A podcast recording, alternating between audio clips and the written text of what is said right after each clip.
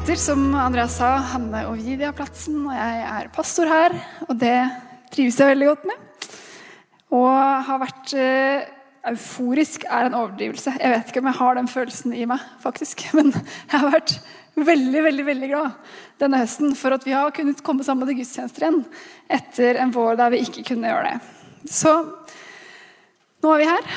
Og i dag skal vi starte en ny taleserie som kommer tre litt sånn sporadiske søndager fremover. Det blir noen pauser innimellom, så du må bare finne ut sjøl hvilken søndag vi snakker om kolosseren og ikke. Det er altså en bibelserie fra Paulus sitt brev til kolosserne. Eller nærmere bestemt noen deler av det brevet fra kapittel 3 som vi skal snakke om de neste ukene. Serien heter, som du ser på skjermen bak her, 'Nye klær'. Og det er fordi det står noe i disse tekstene om nye klær. Men ikke akkurat i de tekstene som jeg har fått. Så uansett hvor mye jeg prøvde å strekke den metaforen så det skulle passe inn, og finne en eller annen måte liksom, Er det ikke en blazer eller noe jeans jeg kan bruke som bilde her? Så passa ikke det så bra. Så det med klærne det kommer neste gang. Cliffhanger der, altså. Kom tilbake og hør om klærne da. Uansett, vi skal altså ha en serie som eh, baserer seg utelukkende på en bibeltekst. Det gjør vi flere ganger i året. Noen ganger så har vi en temabasert serie. Eh, og andre ganger så har vi serier der vi tar for oss en tekst. Og det er fordi vi tror Bibelen den er Guds gode veiledning for oss. Og vi tror også at den er gitt til oss som fellesskap. Fordi eh, vi leser tekstene sammen, og vi forstår tekstene sammen. Og Vi hørte det her i den filmen fra Alfa, Stine Marie som hadde gått på alfakurs. at med en gang man får komme sammen og lese og forstå og snakke og diskutere, så åpner tekstene seg på en helt annen måte. Fordi vi er alle sammen på vei mot Jesus og en større forståelse av han. Og så håper vi at vi gjennom eh, alle disse bibelseriene og også denne sammen får en større forståelse av Guds store fortelling om verden, og om oss, om vår plass i den. Så i dag skal vi se først litt på Kolosserbrevet generelt. En av de 13 bøkene i Nyhetsdementet som Paulus enten har skrevet eller sendt. Og så skal vi se litt nærmere på to spørsmål ved det som er dagens tekst. Så la oss be en liten bønn før vi går i gang. Gode Gud, takk for at du er her, midt iblant oss. Takk for at du har eh, vist deg selv for oss gjennom ditt ord. Takk for at vi sammen kan få oppdage og lære mer av, eh, om hvem du er, lære mer av deg gjennom å lese i ditt ord sammen. Nå ber vi om at du skal hjelpe oss til å være til stede i livene våre, også akkurat her vi er nå. I ditt sterke navn ber vi. Amen. Som sikkert ganske mange her inne har, så vokste jeg opp med fasttelefon hjemme. Det føles utrolig sånn forhistorisk å snakke om nå, men vi hadde to til og med. En på kjøkkenet i andre etasje og en på kontoret i fjerde etasje. Men de var jo kobla til samme linje, disse her, så uansett hvilken du tok, så fikk du høre det samme. I tillegg til at jeg vokste opp med fasttelefon, så har jeg også vokst opp med tre lillesøstre.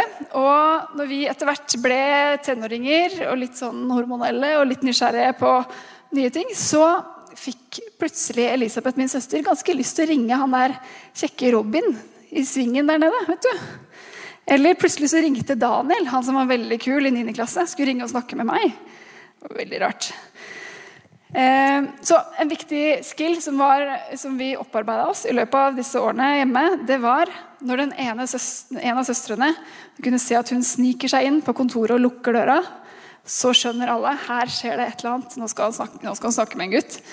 Løpe ned på kjøkkenet og klare å lirke av telefonrøret med den største eleganse og nøyaktighet, så ingen hører at det blir løfta av, for å kunne høre på hva som skjer mellom turtelduene der oppe i fjerde etasje. Resultatet ble at vi av og til fikk veldig mye bra utpressingsmateriale om hverandre.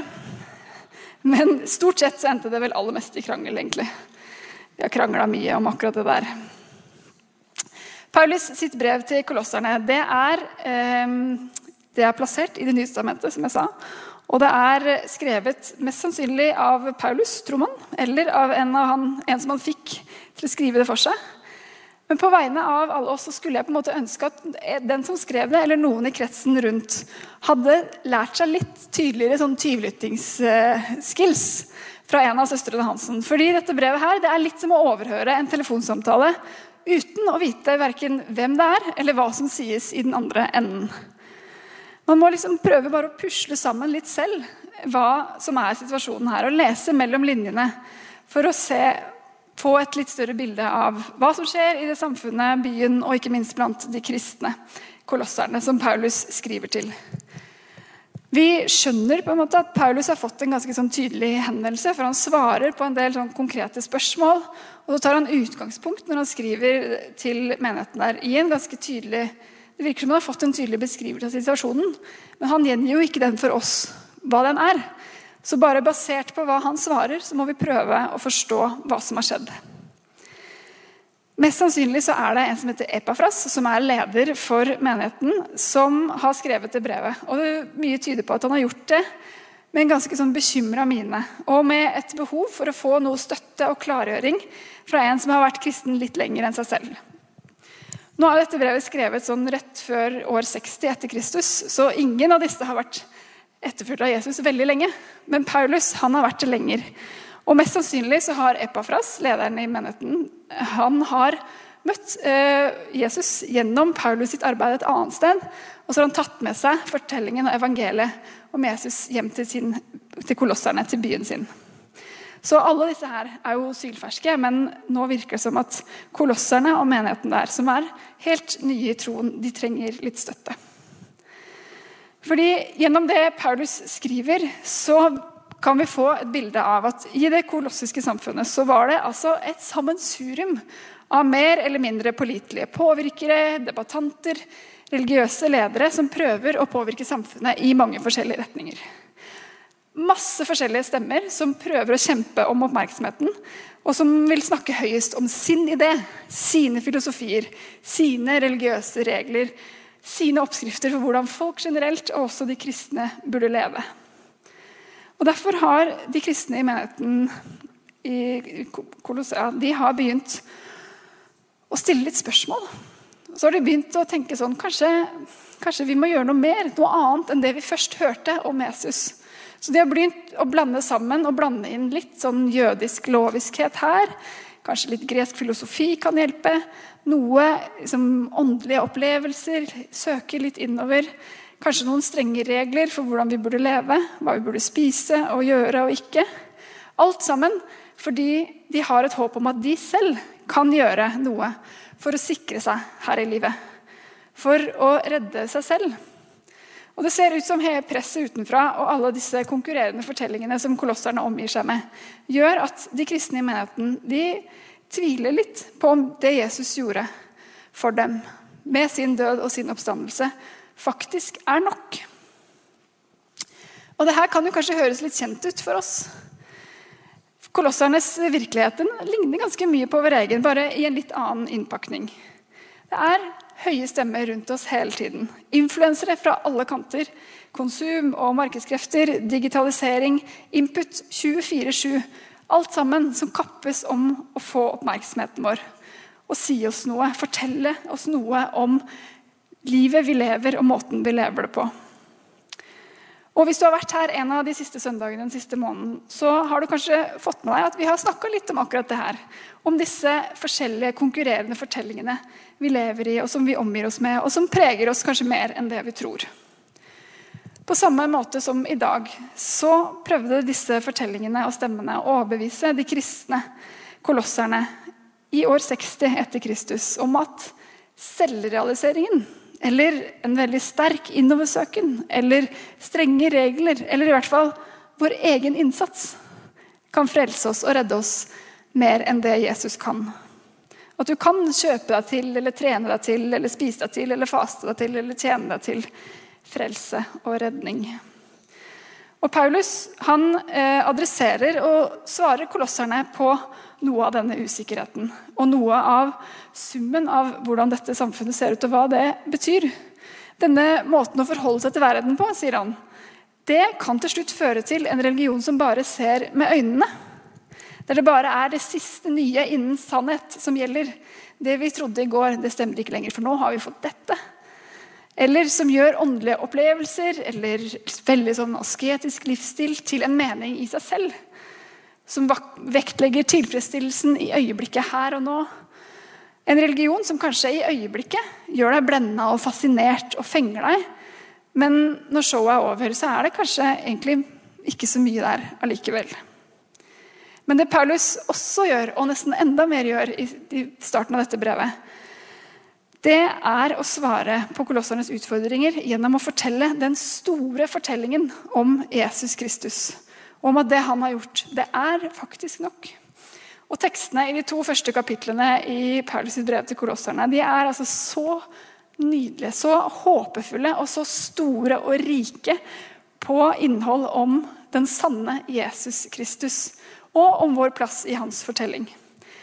Paulus minner kolosserne og oss på igjen og igjen og igjen at du kan stå fast. Du kan stole på at identiteten i Jesus den holder uavhengig av hva du gjør.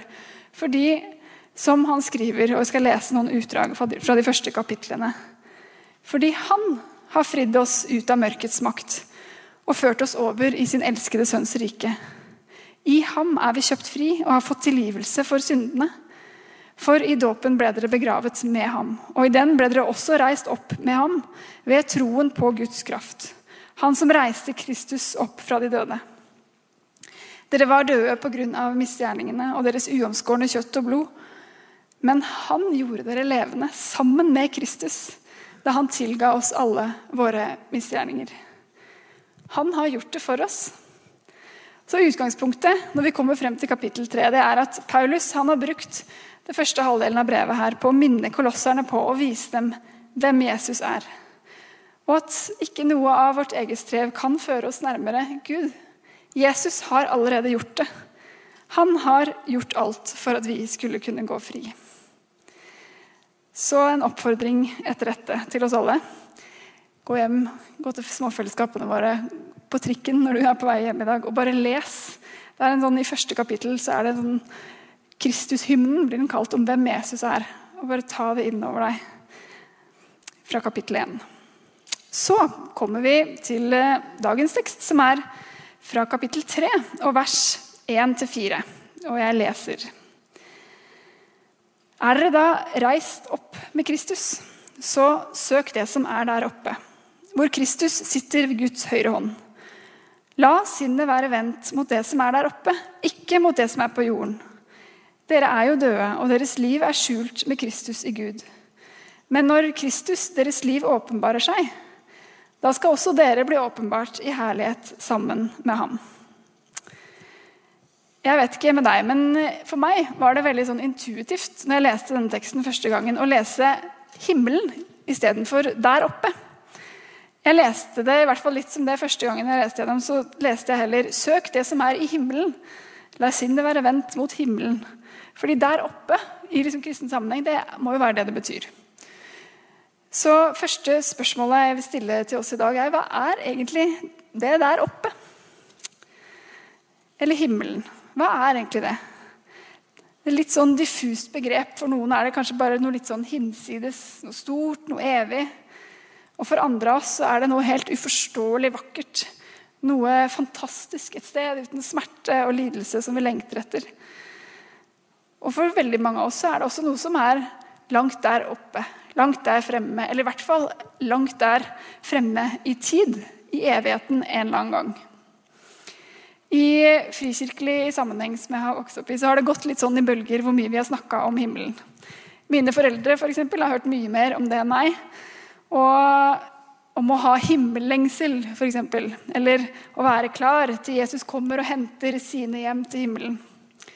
To av mine kollegaer her i starten av 60-åra fortalte meg her forleden dag om hvordan de som tenåringer lå på kne hjemme og ba Kjære Jesus, himmelen. Det blir sikkert veldig fint, altså, men kan du ikke please vente noen år til med å komme igjen? Så vi rekker i hvert fall å gifte oss først. På et par år, liksom. Og så giftet de seg da i starten av 20-åra, som man gjorde på den gang den tiden. Og så satte de seg ned og så bare Nei, men Jesus, vi er klare for himmelen. altså. Det blir veldig fint. Men kanskje du kan vente noen år til? Kanskje vi rekker i hvert fall å få et barn først? Kjøpe et hus, kanskje? Vi mennesker vi har til alle tider organisert og kategorisert verden rundt oss. Vi både elsker det, og kanskje trenger vi det for å kunne forholde oss til verden. Det er mye å ta inn, og det blir lettere hvis denne båsen er sånn og denne kategorien er sånn. Alle som bor innenfor Ring 3, er veganere, f.eks. Eller som en hamaring minna meg på etter elvegudstjenesten i dag. Alle fra Lillehammer skryter fortsatt altfor mye av OL 94. Sånne ting. Sånn er alle fra Lillehammer. En fristelse for oss kristne har også vært å dele verden i to. Det som er kristent, og det som ikke er det. Noe hellig, noe profant, noe guddommelig og noe som er menneskelig. Noe er kroppslig, og noe er sjelelig. Og I forlengelsen av den oppdelingen så har vi kanskje også eh, kommet frem til at vi er nødt til å velge det ene eller det andre. Og at det eneste som man kan, som er verdt å forholde seg til, det rene og det ekte, det er det som er der oppe. Altså forstått som det åndelige eller det himmelske. Og motsatt da, at alt som er her nede, det menneskelige, det som er på jorda, det er urent eller uviktig. At å søke innover og oppover, lengte mot himmelen, det blir så viktig at vi bare må forkaste. Det spiller ikke så stor rolle hva vi gjør her, så lenge vi kommer til himmelen. Som om kristen tro bare er en slags sånn greie for det neste livet. En slags gullbillett som vi bare går og venter på å cashe inn mens vi er her nede. Flere steder i Bibelen så snakkes det om at vi mennesker skal få komme til himmelen når vi dør. Blant annet da Jesus henger på korset, så lover han eh, den mannen som henger ved siden av han, at han skal få bli med han til paradis. Og Det kan vi lese om flere steder, og det tror vi på. Og det håper vi på. Håpet om himmelen, om at han en dag skal komme igjen og gjøre alt, sette alt i rett stand. Men det store fokuset i den bibelske fortellingen det er ikke bare på det som er der fremme. Nei, det er i mye større grad hvordan himmelen og jorda skal gjenforenes, og er gjenforent gjennom Jesus. I Det gamle testamentet kan vi lese om hvordan eh, det eneste stedet himmelen og jorda overlappa hverandre, det var inne i tempelet. Men Guds permanente plan for å gjenforene sitt rike med menneskene, det var noe mye større. Det var nemlig å sende sin egen sønn, Jesus Kristus, til jorda. Og når han gjør det, så skjer det på en helt utrolig håndfast og hverdagslig måte. Fordi Jesus han blir jo født. Snart er det jul, og da skal vi snakke masse om at Jesus blir født. Men han blir faktisk født. Blod og skrik og navlestreng. Og så vokser han opp. Han som er Gud selv, vokser opp som et menneske med alle menneskelige behov man kan ha. Søvn og sult og nærhet og nysgjerrighet og sikkert masse tenåringshormoner. Han kunne jo droppa alt det her. Han kunne jo bare dukka opp som en eller annen sånn guddommelig form når han hadde noe å si. Og så si det, og så bli borte igjen. Men han gjorde jo ikke det. Jesus sto ikke på en eller annen rosa sky for når han skulle si og fortelle verden hva hans store visjon for den og oss var. Nei, han ble menneske og sto midt mellom oss, midt blant mennesker som deg og meg. Fordi han er både sann Gud og sant menneske, så brakte han med seg himmelen overalt hvor han var på jorda. Og gjennom hans død så fortsetter han å gjøre det. Vi har fått evig tilgang. Som evangelisten Matteus sier det når han skal oppsummere Jesus sitt budskap. Så sier han fra da begynte Jesus å forkynne. Vend om, for himmelriket er kommet nær. Så kanskje filosofen og baptistpastoren Dallas Willard har et poeng når han skriver et sted at kanskje er ikke poenget å få folk til himmelen, men å få himmelen til folk. Så det som er der oppe, himmelen, Guds rike, det er ikke langt unna oss i verken tid eller rom eller noe som helst. Det er nær. Det er midt iblant oss. Og denne oppdelingen av det som er åndelig og det som er menneskelig, den opphører med Jesus selv. Sann Gud og sant menneske. Livet vårt her og nå, det betyr noe. Så ok. Så hva da, hvis vi ser på sammenhengen? Hvor i teksten der oppe står? Fordi det sto, Dette lille begrepet det sto ikke for seg selv. Nei, det sto Er dere da reist opp med Kristus, så søk det som er der oppe, hvor Kristus sitter ved Guds høyre hånd. La sinnet være vendt mot det som er der oppe. Så mitt andre spørsmål i dag det er hva betyr det å vende sinnet mot det som er der oppe?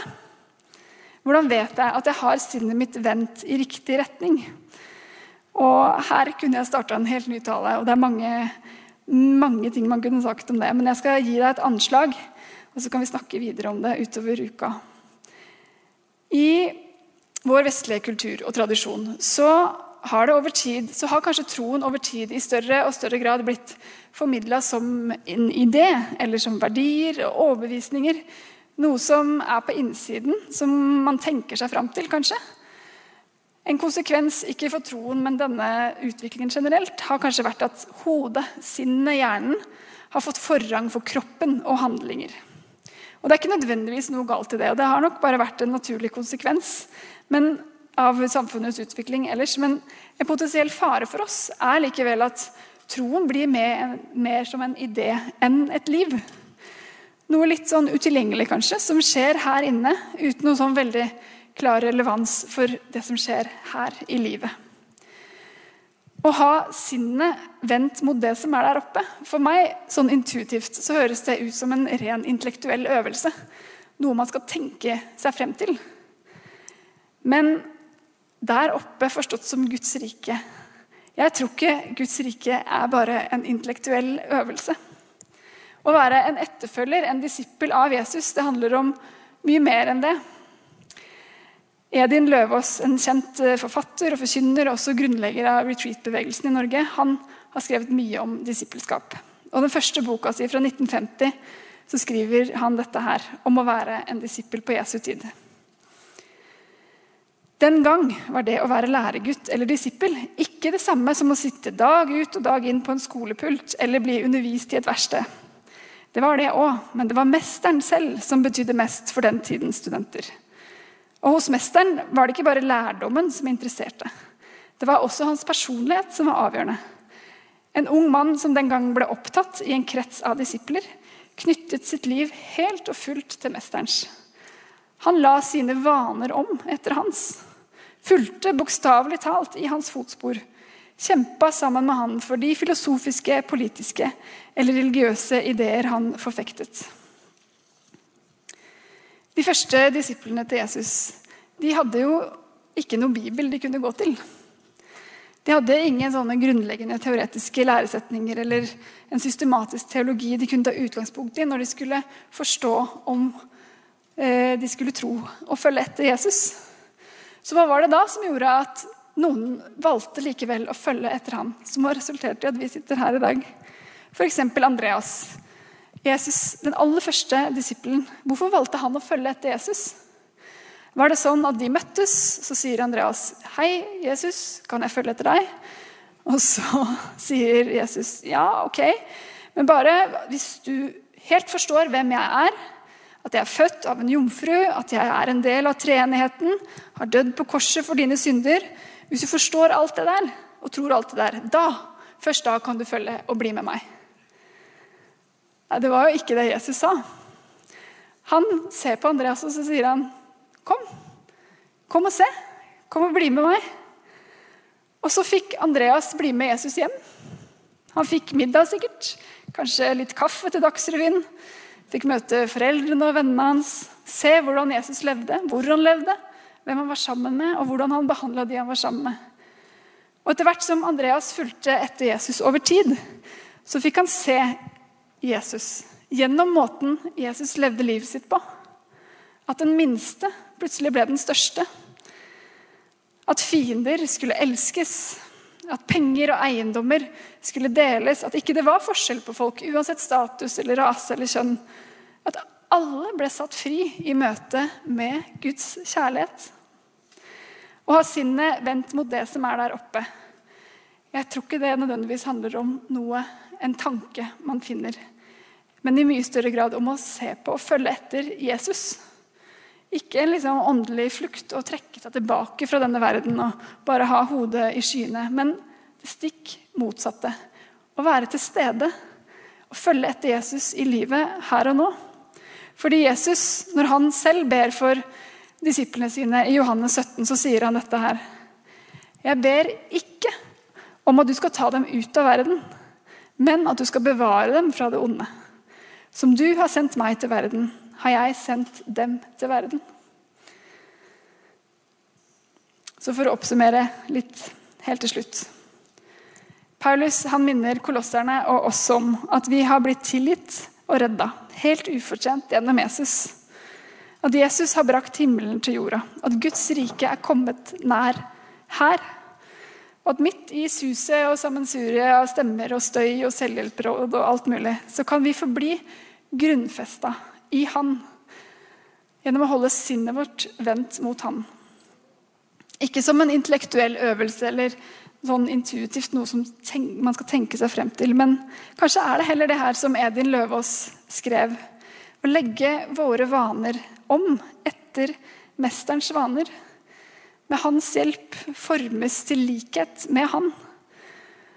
Og det kan se ut det kan, tenke, kan, det kan gjøre noe med tankene våre og hvordan vi tenker. Men jeg tror først og fremst også at det gjør noe med måten vi lever på. På samme måte som Andreas fikk se det og praktisere da han fulgte etter Jesus. Så kan vi vende sinnet vårt mot Guds rike gjennom å øve oss i å bringe glimt av himmel til vår verden der vi er. Løfte opp de aller minste blant oss. Elske fiendene våre. Dele av det vi har. Ikke gjøre forskjell på folk. Og gjennom det få vise at Guds rike har kommet nær. Og så er det vanskelig, og så er det fortsatt i dag radikalt å elske fiendene våre, f.eks. Men med Guds hjelp, med Hans hjelp og i Hans nåde, så kan vi få være med og bringe Guds rike til vår verden. Det Skal vi be sammen til slutt? Jesus Kristus, takk for eh, at du er her. At du har gjort deg tilgjengelig for oss, at ditt rike er midt iblant oss. Og at vi kan få komme tett på deg og til deg og vite at eh, det du har gjort for oss, det er nok. Nå ber vi om hjelp til eh, hjelp og styrke og visdom til å se mot deg, til å leve livene våre sånn som eh, du gjorde det. Takk for at du har gitt oss Din Hellige Ånd som kan veilede oss og styrke oss på veien. Og jeg ber om at vi skal få bli forma til likhet med deg.